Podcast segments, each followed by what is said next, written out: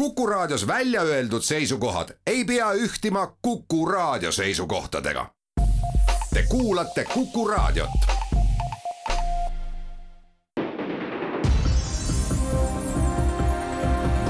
Mike Martin, miks me sõdime? Postimehe kirjastuselt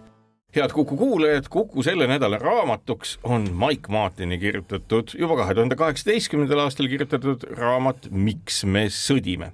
See on eesti keelde tõlgitud Margus Enno poolt ja Postimehe kirjastusel sel aastal välja antud. kuna tegemist on olulise küsimusega, miks me sõdime, siis sel nädalal on meil külas kindral reservis Riho Terras, tervist! tervist!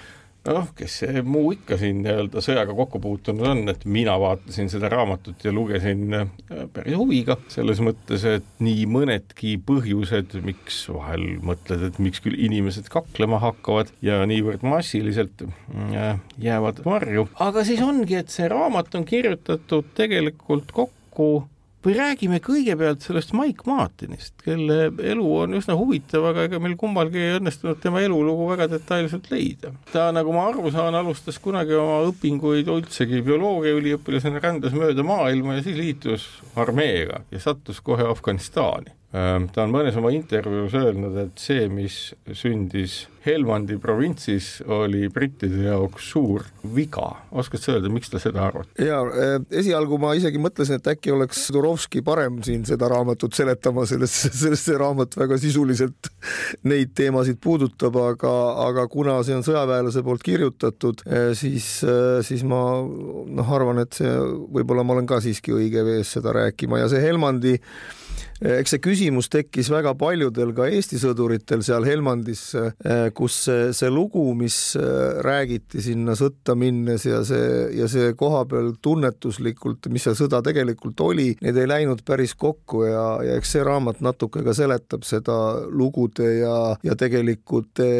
tegelikult põhjuste vahekorda, et kui,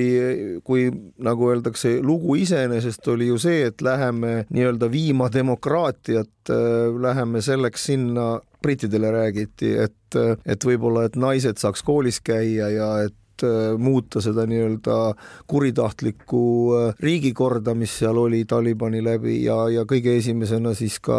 ühesõnaga likvideerida ära selline, selline varjupaik Äh, terroristide koolitamiseks, see oli nagu see, see lugu, eks ju, siis kui kohapeal avastati, et sõditakse talumeestega, kelle põhiline eesmärk oli saada endale elatist teenida ja, ja kus siis äh, hea ja paha vahe kadus päris oluliselt ära, kus, kus samad Afgaani riigi politseinikud, kelle poolt me nii-öelda seal sõdisime, käitusid väga äh, jõhkralt nende nii-öelda talumeeste vastu, kes siis selle tõttu võtsid relvad ja sõdisid vastu ja kõik see nagu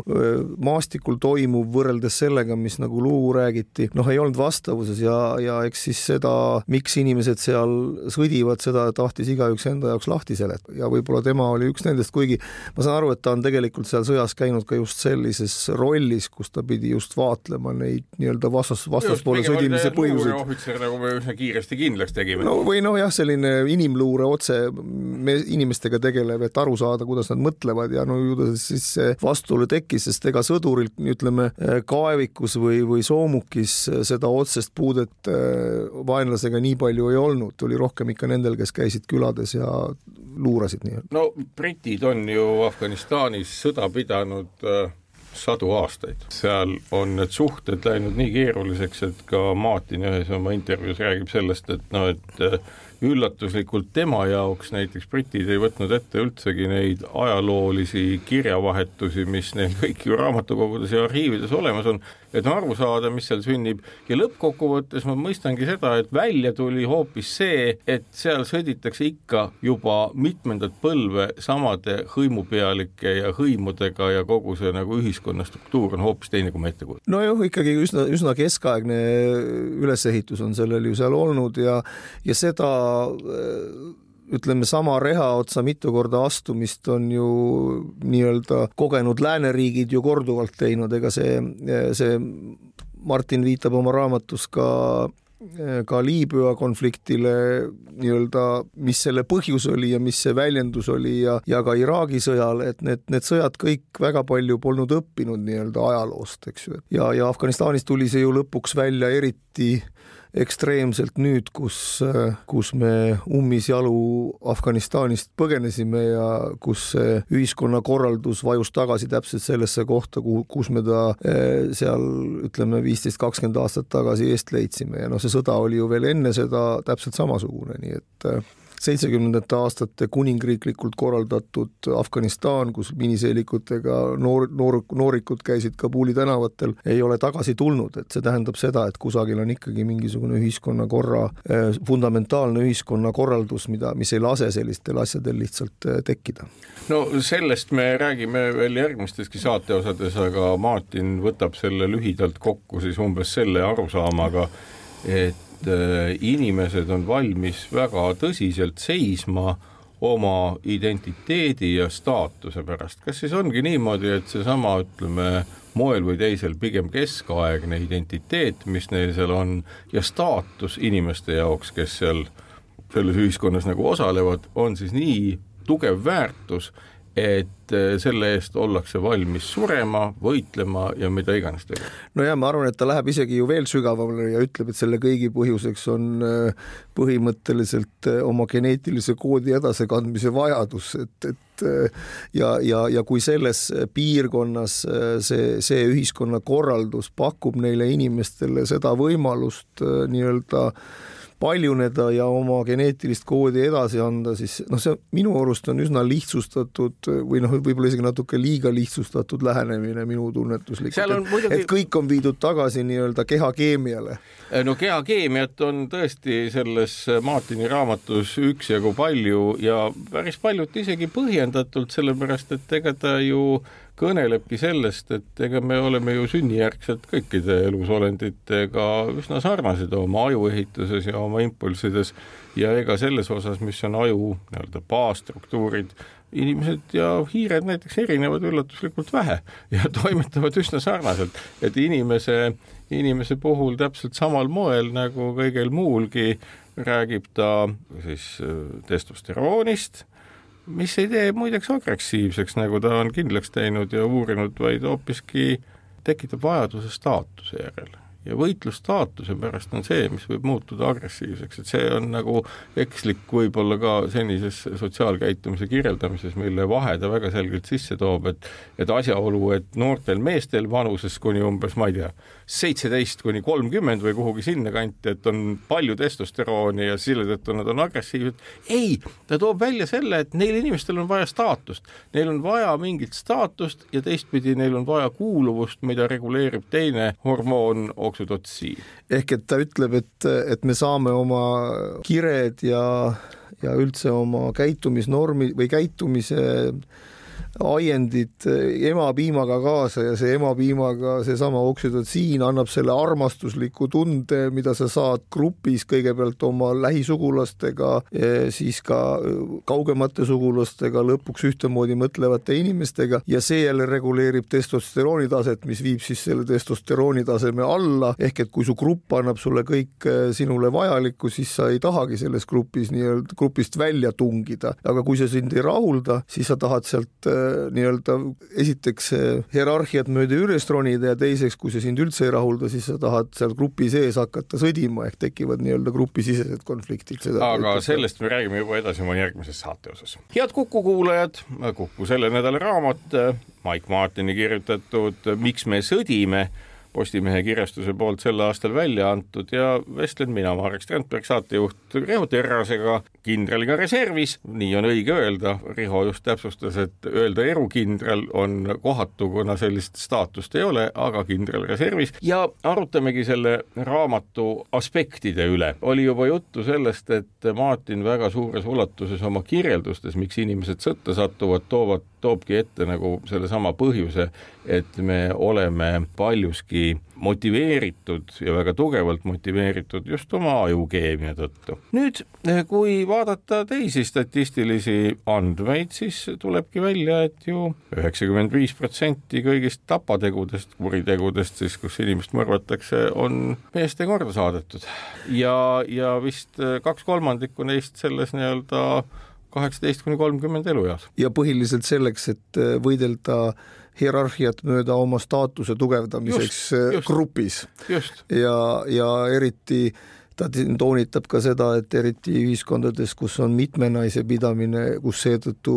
on nendel noortel meestel vähem võimalik omale naisi saada, on see staatus eriti oluline, sest mida tugevama staatusega sa oled, seda suurem on sul võimalus, et sa saad omale naise või mitu naist, ehk et ja siis tulemuseks on see, et äh, kuna mehi ja naisi sünnib enam-vähem võrdselt, siis osad jäävad üldse ilma. jah, loomulikult tegelikult vaat vaata see Araabia kevad,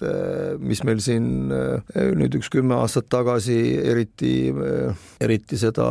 ütleme, maailma julgeolekukorda raputas, kus, kus oligi tekkinud olukord, kus oli väga palju eh, just noori mehi sellises vanuses, kes olid töötud, kellel ei olnud seda nii-öelda staatuseks vajalikku ülespürgimise võimalust ja seal tekkiski nii-öelda revolutsiooniline olukord, mis ju päädis sellesamas islami islamiriigi tekkimisega ja, ja noh, väga suure ja väga verise sõjalise konfliktiga, et tegelikult see konkreetne konflikt minu arust just nimelt näitabki seda, et et võib-olla sellel Mike Martinil on selles kontekstis õigus. nojah, sellepärast et nagu öeldud, et lõppkokkuvõttes on ju nii, et mida, mida rohkem inimene on üsna lihtsas keskkonnas, seda rohkem kõik need tema kirjeldatud impulsid selles äh, ühiskonnas ka toimivad ja liigutavad. Ja siit tulebki nagu järgmine asi, et äh, noh, nii-öelda kõikvõimalikud lood, müüdid ja muud asjad, millega saab samastuda, need muutuvad üllatavalt olulisteks inimeste jaoks. Ja noh, ükskõik milline, olgu see siis religioosne või mingi muu lugu, et selle küljes kinni olla võib ollagi üks põhjusi, miks mingil hetkel inimeste nii-öelda hirm sellest äh, situatsioonist välja langeda, sellest nii-öelda kuuluvusrühmast või rühmakuuluvusest ilma jääda, põhjustab selle, et tõepoolest hormoonid teevad oma töö. siin on võib-olla üks minu jaoks üks väike võib-olla vastuolu või võib-olla ma ei leidnud kõiki põhjendusi sellele tema teooriale, et inimest eraldab eh, nii-öelda loomast see, et inimene suudab mõista ja ennustada teise inimese käitumist ja siis ise oma käitumist selle järgi parandada. Eh, ehk et noh, vaadata, et okei okay,, et kui ta kaks tükki omavahel sosistavad, et ju nad mind taga räägivad ja on vihased mu peale ja ma pean sellest mingisugused oma ja, ja siis oma tegevuse selgitamiseks mõtleb ta välja siis ideoloogia ehk et see mitte ideol-, mitte ta ei lase ennast õhku, siin on väga palju räägitud sellest nii-öelda enesetaputerrorismist. enesetaputerroristides äh, kirjelduse ta toob väga hea. ja neid on päris nagu noh, mitmel ta-, mitmes kohas selles raamatus mainitud, ta ei lase ennast õhku mitte sellepärast, et äh, mitte ideoloogia pärast, mitte sellepärast, et äh, Allah on kõige võimsam äh,, vaid see on vaid see, see on vaid nii-öelda vabandus, aga tegelikult ta laseb ennast sellepärast, et tal on soov oma staatust parandada, mis on iseenesest vastuolus ja selle koha peal ma ei saagi aru, et kui sa tahad sugu jätkata, oma geneetilist koodi edasi kanda ja, ja siis lased ennast õhku, siis see ju sada protsenti ei ole enam võimalik pärast samas seda. Äh, ütleb äh, Martin oma raamatus korduvalt seda, et loomulikult on sõda antievolutsiooniline nähtus, et noh, nii-öelda inimesed hävitavad üksteist, üks liik hävitab üksteist. teisalt nii-öelda sõdades äh, hukka saanuid on kõigest nii-öelda kolmkümmend protsenti populatsioonist või umbes nii. ja nüüd nende enesetapjate puhul ta osutabki selle peale, et väga paljud neist on pereinimesed, väga paljud neist ei ole üldsegi nii-öelda süvausklikud, nad ei külasta mošeesid ja tegelikult ma saan aru, et ühes kohas ta kirjeldabki seda, kuidas inimene, kes on grupist välja arvatud ühel või teisel põhjusel, ta on oma sugu juba jätkanud, neil on pere ja lapsed võib-olla mm. -hmm ja siis ta saab mingi pääsetee looga, mis annab talle väljamõeldud gruppi kuulumise võimalus. aga siin ongi see vastuolu, et äh, kui, kui ta põhiliselt ütleb, et see lugu on vaja selleks, et äh, nii-öelda sugu jätkata ja selleks ressurssi koguda ehk staatuse tõstmiseks, siis miks see ideoloogia peaks seda siis järgneva, ühesõnaga need põhjus ja tagajärg on minu arust siin selles kohas paigast ära, vähemalt minu tunnetuses no,. mina püüdsin sellest aru saada, see oli jah, selline koht, kus nagu tekkis mõtteid ja ma kujutangi ette, et ega äh, peamine küsimus ongi ju selles, et ega see ei ole mingi massiline liikumine, vaid see on ikkagi manipuleeritud tegevus. Ehk et et inimesed, kes vaieldamatult on osavad ja tunnevad inimhinge ja käitumist väga hästi, on suutelised tekitama ühtäkki olukorra, kus sellele inimesele, kes noh, tal on pere, lapsed, nagu öeldud, sugu on jätkatud ja siis talle tehakse selgeks, et vaata, kuna sa ei ole enam selle grupi osa, sul on võimalik olla parem grupi osa ja saavutada see eesmärk, mis on siis nagu tegelikult loomulikult vildak igatepidi, ükski inimene ju teadlikult ei tegele sellega, et ta analüüsiks, milline tema evolutsiooniline roll on pidevalt. Ja äkki noh, arusaadavalt, et ega enesetaputerroriste ei ole ju massiliselt neid on natukene. nojah, seda, see, see ongi tema see järgmine teooria, et, et, et mida suurem on grupp, mida suurem on see nii-öelda ideoloogiline baas ja ka, ja ka suured grupid lähevad omavahelis, omavahelisse sõtta aga suurte gruppides, suurte gruppidest on väga väike osa, kes sõdivad, ehk et sest et need suured grupid on, organiseerivad ennast selliselt, et kõigil on midagi teha ja ainult üks osa sellest grupist on nii-öelda sõdurid. et kui ürgajal läksid kõik kaigastega üksteise kallale, eks ju, siis teises maailmasõjas oli see ikkagi protsentuaalselt väga väike number, mis seal, aga, aga noh, siin on jälle üks vastuolu, et okei okay,, sõjas saavad surma sõdurid, on tema teooria, aga nendes sõdades ei saa surma sõdurid, vaid, vaid terved grupid, väga suured äh, inim, inimgrupid, äh, kaheksakümmend miljonit on isegi nii-öelda äh, selles kontekstis ikkagi väga palju, mis näiteks Teise maailmasõja ajal hukka sai. ehk et see on jälle üks vastuolu, mis nagu minu arust ei ole väga lihtsalt selgitatav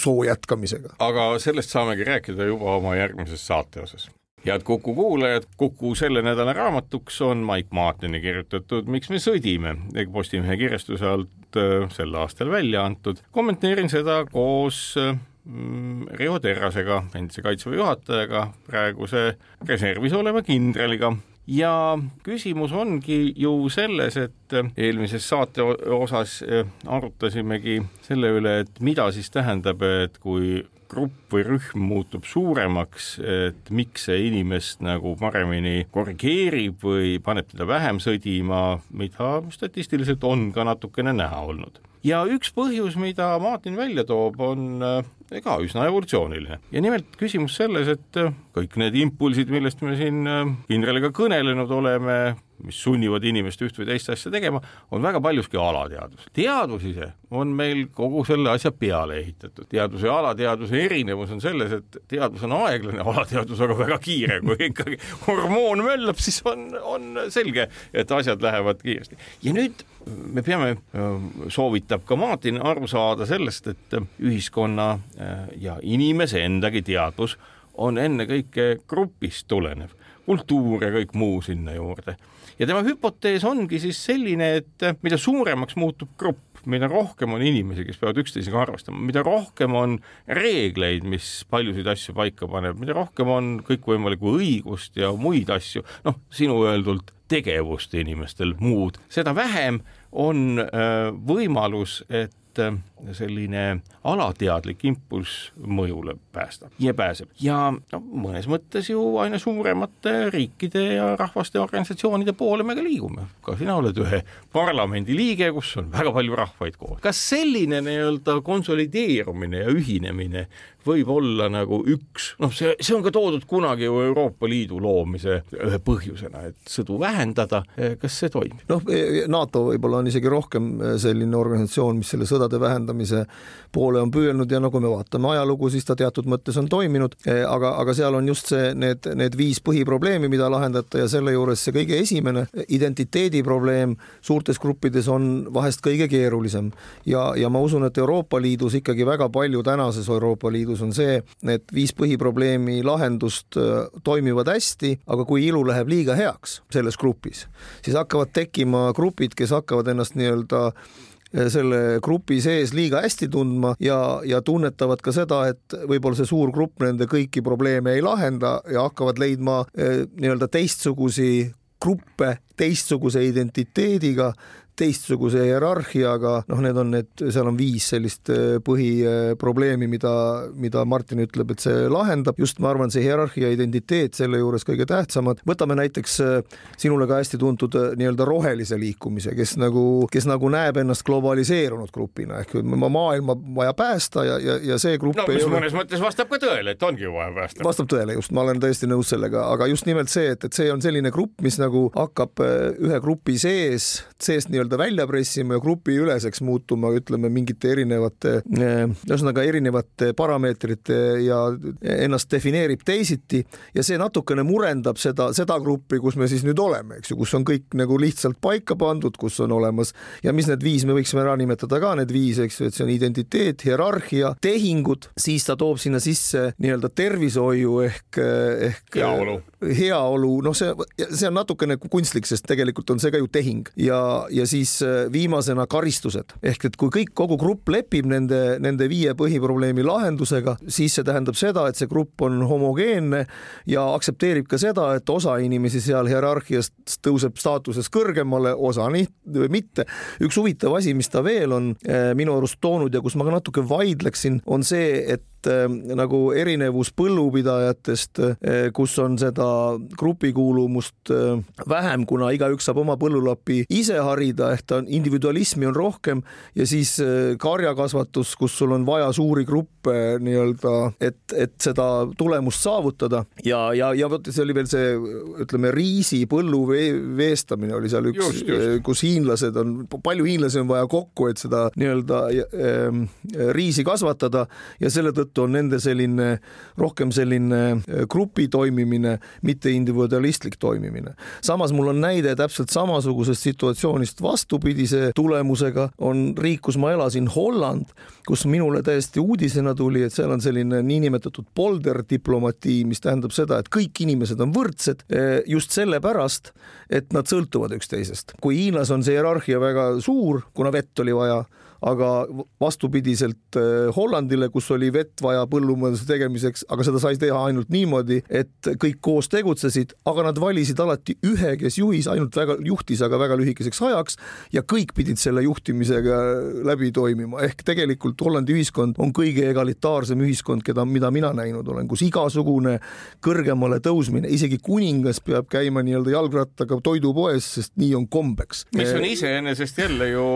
ma just toongi selle sama asja, et mida, mida ta ka kirjeldab raamatus korduvalt, ongi see, et väga noh, ütleme niisugune polüfunktsionaalne ühiskond, kus igal inimesel on põhimõtteliselt võimalik oma grupi identiteet leida, keegi ei äh, tülita teda selle pärast, tal on võimalik nii-öelda oma lokaalne mingisuguse liidriroll leida ja keegi ei ütle, et hierarhia peab olema vaid üks. Euroopa Liit või paljud Euroopa riigid või nii-öelda sinu öeldud egalitaarsed ühetaolised riigid ongi ju sellised, kus inimesel on väga palju vabadusi ja ta ei kuku ühestki grupist välja niimoodi, et ta jääks täitsa üksi. aga veel kord, aga see tekitab selle, selle olukorra, kus need grupid hakkavad iseennast kõrgemaks mängima nii-öelda teistest madalamatest gruppidest ja siis tekib konflikt, mida me täna ka Euroopa Liidus näeme tegelikult, eks ju, see nii-öelda üleilmastumine versus rahvusriikidel põhinev mõtlemine no ja siin ongi täpselt seesama küsimus, et millisel moel siis lahendada kõik need nii-öelda rahvusidentiteedi küsimused ja ma kujutan ette, et ilmselt nii-öelda pikalt pusides on ka see kuidagimoodi võimalik, loodetavalt. sellepärast, et seesama nagu rahvuse identiteet või nagu selline geneetiline natsionalism, mis kunagi pani aluse ju ka natsismile Saksamaal, et sealt nagu mindi hüppega hoopis teise suunda, mida ka Martin kirjeldab ja just nimelt sellesse, et öeldi, et ei, teate, geneetiliselt ei ole meil midagi määratud, et kõik on kasvatatav, kõik on õpetatav ja kõik on muudetav. ehk et äh, paljuski igasugune nii-öelda vääralt kasutatud ühiskonnamudel tekitab alati mingisuguse tõsise vastuseisu, mida võib-olla me praegu helbimegi, et võib-olla sellest liiga eugeeniliseks muutunud Saksamaa või ka Itaalia käitumisest teise maailmasõja paiku, ongi meil täna nagu see olukord, kus me nagu häbeneme seda või me ütleme, et noh, ei saa olla nii palju asju geneetiliselt määratud. no jaa, aga siis me ei tohigi võtta jälle seda teist äärmust liiga ekstreemsena, sellepärast et see tekitab, see, see tasakaalu, tasakaalus toimimine on ka minu arust üks selle raamatu põhimõte, et ühtegi, ükski asi ei tohi, üks, ühtegi asja ei tohi üle liia, ehk kõikidel selles grupis peab olema hea, sest kui mõnel selles grupis ei ole hea, siis ta hakkab nii-öelda tekitama omale uut hierarhiat, omad staatust teistmoodi tõstma ja Euroopas me täna ju näeme, et tegelikult pinge on üsna suur, see üleilmastumise ja rahvusriikide vaheline pinge on, on kõikide nende ekstreemsete ütleme, erakondade tekkimise ja, ja tegelikult väga suure valijaskonna leidmisega just nimelt sinnani jõudnud, et jälle on tekkinud konflikti olukord. ja sellest juba räägime edasi oma järgmises saate osas head Kuku kuulajad, selle nädala raamatuks oleme valinud Mike Martini Miks me sõdime, kirjutatud kahe tuhande kaheksateistkümnendal aastal Margus Enno poolt tõlgitud eesti keelde ja Postimehe kirjastuses sel aastal välja antud. räägin seda Riho Terrasega, kindraliga, kes on reservis, nii on õige öelda, mitte erukindraliga, mida ta on korduvalt mulle juba öelnud, et niisugust auastet nagu erukindral pole olemas. endise kaitseväe juhatajaga ja kellega veel on võimalik siis arutada seda, miks minnakse sõtta või miks jäetakse minemata ja mina olen saatejuht Marek Strandberg. no vot, nüüd jõudsime sellesama identiteedi küsimuse juurde, seesama asi, mis paneb meil tekkima äh, Martini kirjelduse järgi ajus mõnutunnet tekitavad oksüdotsiini et me oleme rühmas, me oleme kollektiivis, et see toetab meid, et see on sama hea kui ema kaisus olla piltlikult öeldes evolutsiooniliselt ja mis pärsib ka siis mingil määral, mingil määral kõikvõimalikke, kõikvõimalikke siis testosterooni poolt genereeritud sellise staatuse tugevat vajadust. nüüd ega me oleme ju Eestis ka mõnes mõttes päris keerulises olukorras, meil on siin ühiskonnas ju mitmeid identiteete, no kaks vähemalt, mida me oleme pikalt üleval pidanud, kas nagu kaks rööbiti identiteeti nii väikses ühiskonnas on üldse hea? või et kas äh, on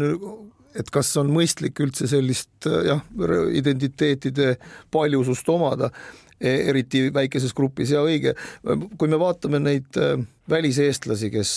lahkusid Eestist neljakümnendal, neljakümne neljandal või eestlasi, kes lahkusid Eestist neljakümnendal, neljakümne neljandal või näiteks eriti Balti sakslasi, ma olen nendega palju elus kokku puutunud, siis see identiteedi küsimus oli neile ikkagi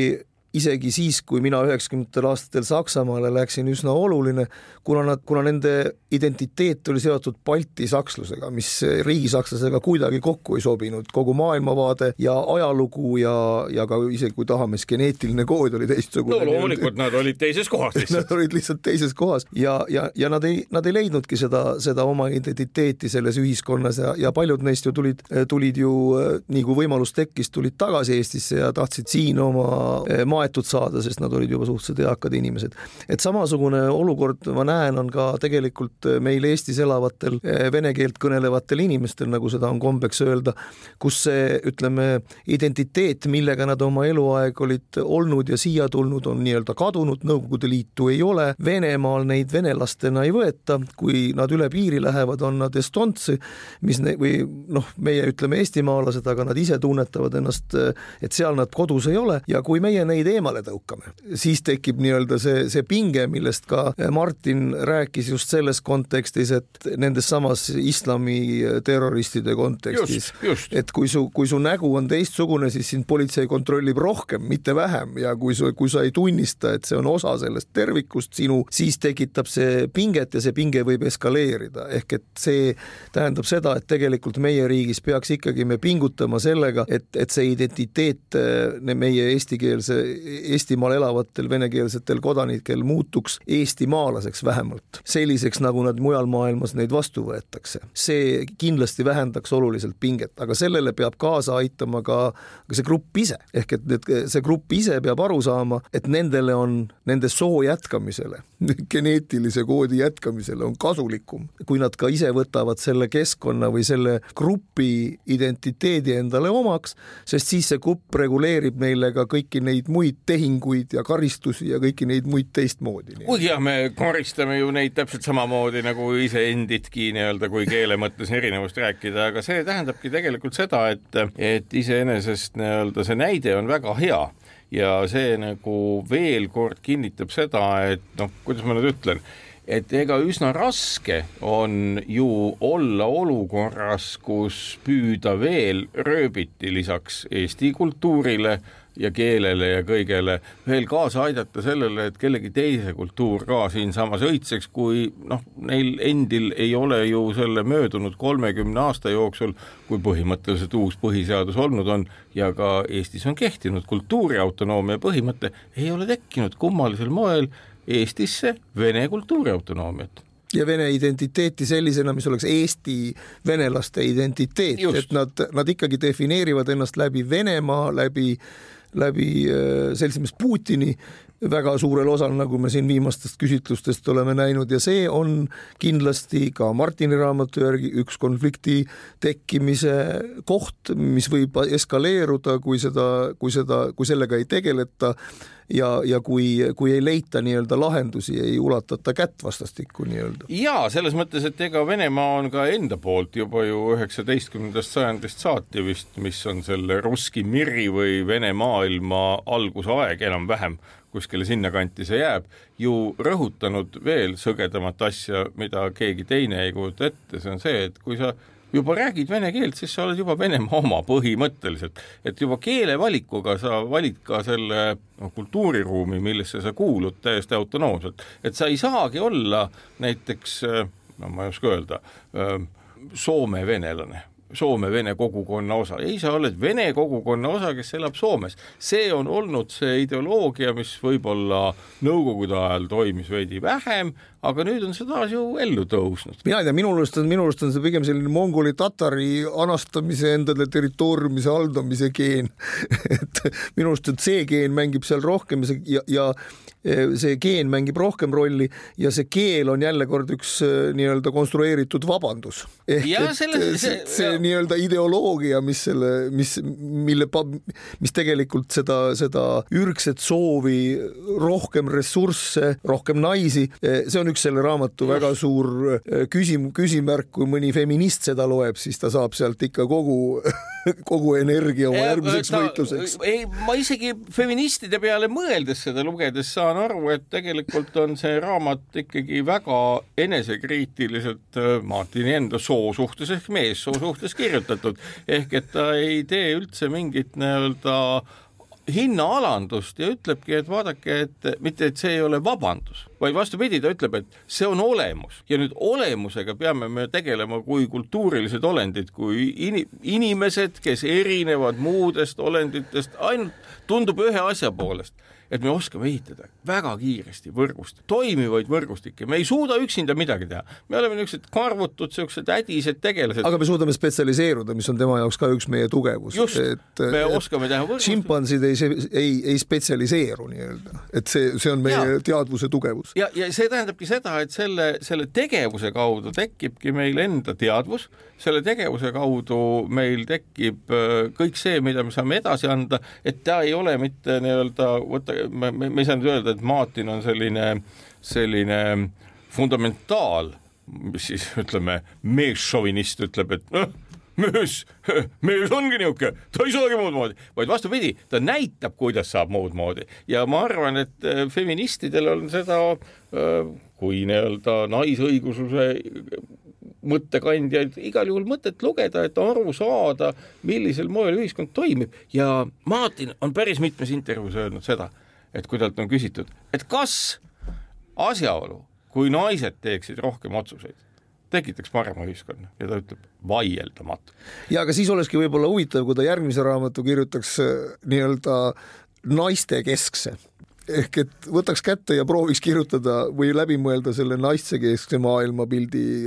või, või on... naistekeskne maailmapilt on tal seal ju mingil määral olemas. Lihtsalt... või, või peab, peaks see üks naisterahvas olema, kes seda ei, siis oma vaatenurgast vaatab? et äh, Martini nagu praegune akadeemiline karjäär on ikkagi piisavalt hea olnud, et ta võiks ka midagi sellist teha. loomulikult ei oska ma nüüd öelda, kuidas talle seda soovitust anda, aga, aga tema ju peamine küsimus oli see, et leida vastus küsimusele, miks me sõdime ja seda ta on püüdnud teha. ja, ja selles on süüdi mehed. aga sellest räägime edasi juba oma järgmises saate osas. head Kuku kuulajad, selle nädala raamatuks oleme valinud Mike Martini kirjutatud Miks me sõdime kaks tuhat kakskümmend kaks sel aastal Margus Enno poolt tõlgitult ja Postimehe kirjastuse välja antud, kõneleme sellest kindraliga reservis Riho Terrasega, mina Marek Strandberg, saatejuht ja eelmises saate osas natukene puudutasime küsimust, et äh, venelaste ja Putini küsimust. Ja praegu ongi nagu sama asi, et äh, võiks ju püüda analüüsida sedasama raamatut aluseks võttes põhjusi,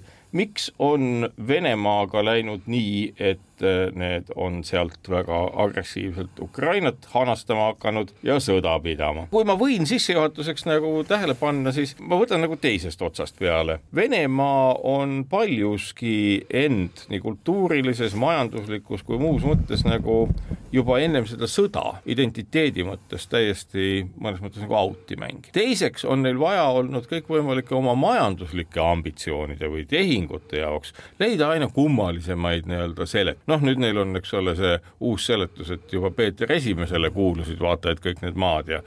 Putin kui Peeter Esimese nagu taaskehastus võtab lihtsalt nad tagasi. Ja mis juhtub, on see, et üllatuslikult need sõnumid on noh, loomulikult hästi häälestatud ja hästi äh, kokku pandud, komponeeritud ja väga paljud inimesed Venemaal ja väga paljud venekeelsed inimesed ka Venemaa lähimaal, nagu meil neid, võtavad selle loo omaks. Neil kaob ära kriitikameel ja nad võtavad omaks selle loo, mis mõnes mõttes toimib nagu religioon ja astuvad selle taha ja see annabki nagu sellise, sellise õigustuse ja kuna, kuna Venemaa on tänaseks hetkeks ju olukord on milline, noh, Eesti puhul ambitsioon oli kogu aeg liituda suuremate organisatsioonidega, NATO-ga, Euroopa Liiduga, nii edasi, nii edasi.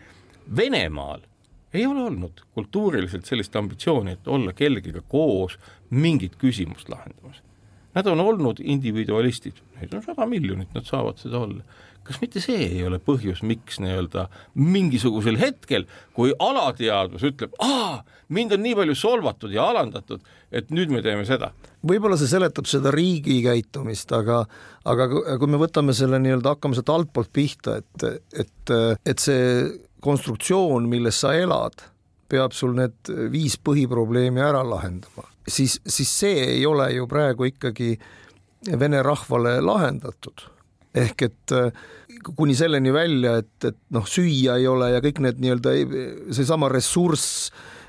on väga ebaõiglaselt jagatud, et miks need eh, noored poisid sealt Siberist, kellel tegelikult elustandard on väga madal, miks nad sõtta lähevad, staatuse pärast. kas nad saavad sellega muuta oma staatust, kas nad saavad rikkamaks või saavad rohkem ressurssi? tõenäoliselt ei saa. ma arvan, aga algu-, alustame tegelikult sellest, et võib-olla on Ukraina rahva see grupitunnetus ka üks, üks oluline osa sellest konfliktist, mis kaks tuhat või sõjast, mis kaks tuhat neliteist algas. ehk et kas Ukrainal oli see grupp grupitunnetus või oli see grupp tegelikult ikkagi rohkem see Russki Mir või see, see venekeelne grupp seal Donbassis, siis eh, nüüd on see grupi muutus toimunud väga kiire, et väga suur osa vene keelt kõnelevat Ukrainast, ukrainlast on enda grupitunnetuse leidnud pigem Ukrainas. Ehk et Ukraina lipp ja kõik need välimärgid, aga ka sellepärast, et see, eh, see grupp on andnud talle eh, nii-öelda identiteedi, identiteedi, mida tal noh, enne ei olnud või oli, oli liiga suur see aga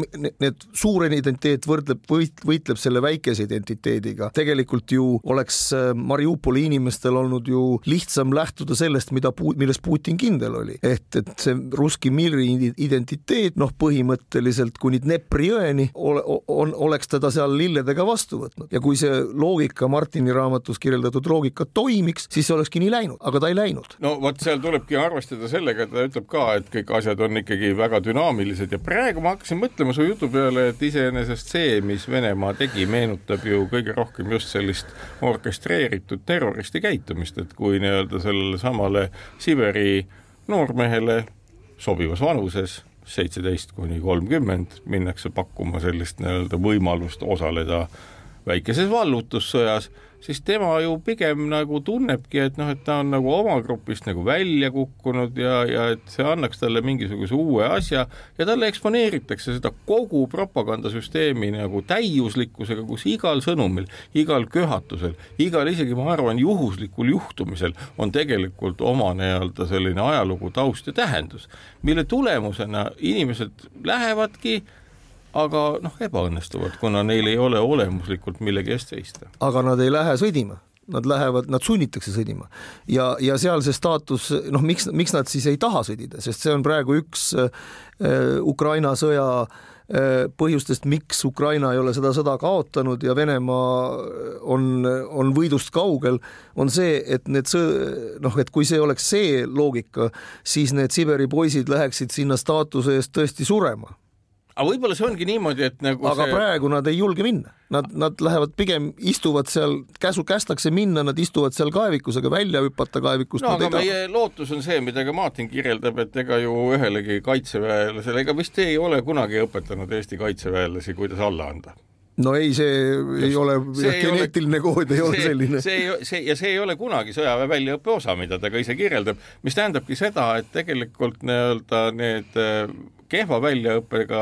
nimetame siis Siberi noorukid, jäävad sinna lahinguväljale siis ootama seda, kui neile tuleb see impulss, et annaks alla, kuna alalhoiuinstinkt on tugevam kui identiteeditunne, et et kas võib öelda, et meie jaoks täna on olukord õnneks selline, et Venemaa on nii palju bluffinud sissepoole, väljapoole, see on nagu hädavale, mis kogu aeg muutub aina hullemaks ja hullemaks, mis lõppkokkuvõttes ei, mida ei ole võimalik enam kokku panna, et need on pusletükid, mis mitte iialgi kokku ei saa ja äkki ongi see võib-olla seesama nii-öelda sõja lõpu hetk saabubki siis, kui no nii-öelda ka kõige sügavama aupaklikkusega seda Putinit vaatlev ja käsitlev inimene saab lõpuks aru, et pagan,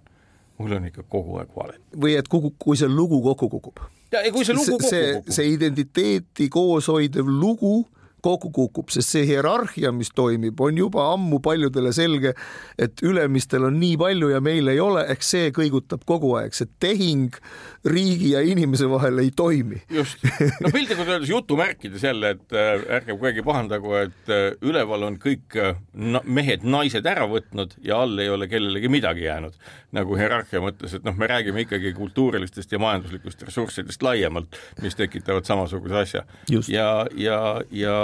no seda enam on keeruline olukord seesama ju Eesti situatsioon, kus meil on vene keelt kõnelevad inimesed, kes ei ole täna ühegi kultuuriga nii sügavalt seotud, et nad tunneksid ennast turvaliselt. jah, aga, aga noh, ütleme nii, et eks aeg parandab haavad ja, ja kui see grupi nüüd Martini järgi järgi, eks, et kui see äh, grupi ülesehitus, mis meil siin Eestis on nii-öelda Eesti Vabariik, kui see hakkab nende põhivajadusi paremini rahuldama kui see teine identiteet, millega ta ennast on sidunud, eh, siis pikas perspektiivis ju tema järgi peaks jõudma selleni, et nad kõik integreeruvad ja on osa sellest, sellest grupist, selle grupi identiteediga. me nooremas eh, ühiskonna kihtides ju tegelikult näema seda, et noh, väga palju, ma käisin eile eh, kontserdil, kus, kus vene tüdrukud laulsid eh, Eesti asja eest eh, kogu südamega, eks ju, vene keelt kõnelevad Narvast pärit lapsed. järelikult see võtab aega, aga loomulikult me peame omalt poolt ka selleks tegema rohkem, kui me tänaseks teinud oleme. Mike Martin, miks me sõdime, mitmeid lehekülgi head lugemist ja küsimustki selle kohta, et kas nüüd sellest lähtuda või mitte, aga lugege, vaadake, kas te saate mõnelegi oma ees olevale olevale küsimusele seesama asja kohta, miks tülli minnakse ja sõditakse, vastuse. minu meelest saame, Riho arvab, et alati ei saa. nii et äh, lugemismaterjali küll ja veel. sellega on nädala raamatu tutvustus läbi ja kuulake meid edaspidi. nägemist. Mike Martin, miks me sõdime Postimehe kirjastuselt